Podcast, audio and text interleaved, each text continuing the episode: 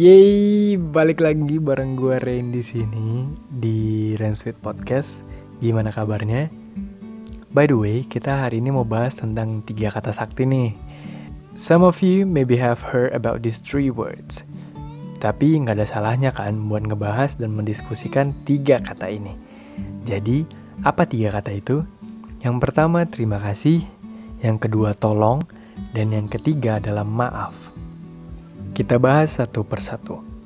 Kata terima kasih. Semua orang ingin dihargai. Bukankah sejak kecil kita juga diajarkan oleh orang tua kita untuk mengucapkan kata terima kasih setelah kita mendapatkan bantuan dari orang lain? Namun terkadang kita lupa akan hal ini. Bisa saja karena terlalu dekat, kita pun menganggap dia sudah mengerti tanpa harus diucapkan. Atau bisa jadi karena memang bukan habit. Coba deh bayangkan, seseorang dengan tulus membantumu, dan itu di saat kamu benar-benar susah. Bahkan, tanpa kamu minta, dia berinisiatif untuk membantumu mengerjakan pekerjaan tersulitmu mulai dari bantuan secara material ataupun imaterial.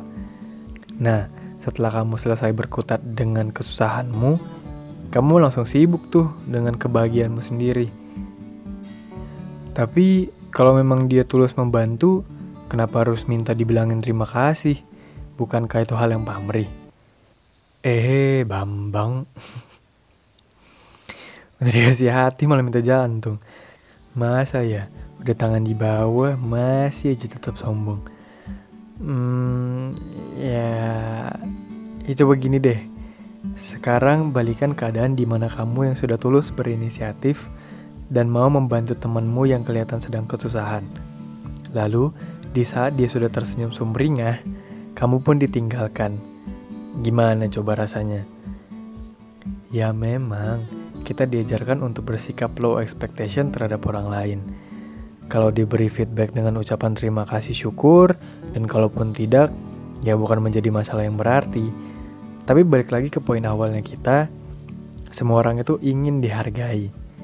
Jadi, hargailah orang lain sebagaimana kamu ingin dihargai.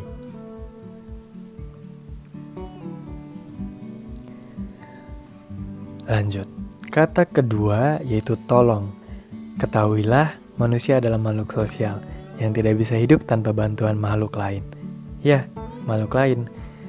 Karena kata makhluk di sini mengacu pada semua makhluk baik yang hidup dan yang tak hidup. Mulai dari bernafas, kita membutuhkan udara sebagai komponen abiotik. Sama halnya dengan makan, kita membutuhkan tumbuh-tumbuhan dan hewan yang mengandung semua unsur gizi dan mineral yang berguna bagi tubuh. Pun begitu halnya ketika kita bersosialisasi Orang lain dibutuhkan agar dapat saling bertukar pikiran dan juga saling membantu. Nah, dengan menyadari hal tersebut, berarti menyadarkan diri kita akan keterbatasan dan kelemahan yang kita miliki. Memang sih, kata tolong sering disalahgunakan di saat kita ingin mendapatkan sesuatu yang diinginkan dan harus didapat dengan embel-embel kata tolong. Contohnya nih ya, kamu bilang ke adik kamu, atau ke kakak kamu atau ke siapa pun lah yang berada di dekatmu. Tolong ambilin remote TV-nya dong. Padahal sebenarnya jarak kamu dengan remote TV itu nggak lebih dari 2 meter. Itu pun kamu dalam kondisi santai dan tidak memiliki kesibukan apa pun. Kemudian, di saat permintaan tolongmu tidak diacuhkan, kamu pun marah. Kan tadi aku udah bilang tolong, kenapa nggak dibantu? Hmm, pernah nggak? Balik lagi, tangan kamu sedang berada di bawah. Dan sebenarnya pun kamu bisa mengambil remote TV itu sendiri. Cobalah untuk lebih mandiri dan mulai untuk menghilangkan rasa malas dari hidupmu. Kata ketiga yaitu maaf.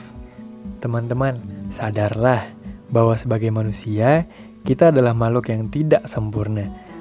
Semua orang tak selamanya benar dan terkadang melakukan kesalahan. Bisa jadi kesalahan itu besar dan bisa jadi juga kesalahan itu kecil. Nah, di saat mengucapkan kata maaf inilah diri kita mengakui bahwa kita telah melakukan kesalahan. Namun, mengapa hal tersebut sulit sekali diucapkan? Apakah harga dirimu terlalu mahal? Sampai-sampai, walaupun kamu salah, Orang lain tetap harus memaafkanmu walaupun tanpa kamu minta. Sebenarnya bukan berarti orang lain atau kita sendiri tidak memaafkan sebelum diminta juga. Cuma kan di sini kita belajar untuk kembali mengucapkan kata maaf. By the way, mengucapkan kata maaf bukan berarti kamu sedang kalah dan tidak berdaya kok. Justru dengan mengucapkan kata maaf, kamu sedang menunjukkan bahwa dirimu berjiwa besar dan bertanggung jawab. Mengucapkan kata maaf juga dapat menurunkan itikat seseorang yang tadinya marah, malah menjadi lebih slow, lebih turn down, dan kembali memaafkanmu. Siapa sih yang gak suka dengan orang yang sepositif ini? Sebenarnya hidup damai, aman, dan sejahtera itu mudah kok Menerapkan tiga kata sakti yang baru saja kita bahas sudah lebih dari cukup untuk diaplikasikan di dalam kehidupan. Nah, itu dia topik pembahasan kita kali ini. Saya Rain dari Sweet Podcast, Talk to Myself. Mohon pamit dan undur diri dari hadapan teman-teman semua. So, see you in the next podcast. Goodbye.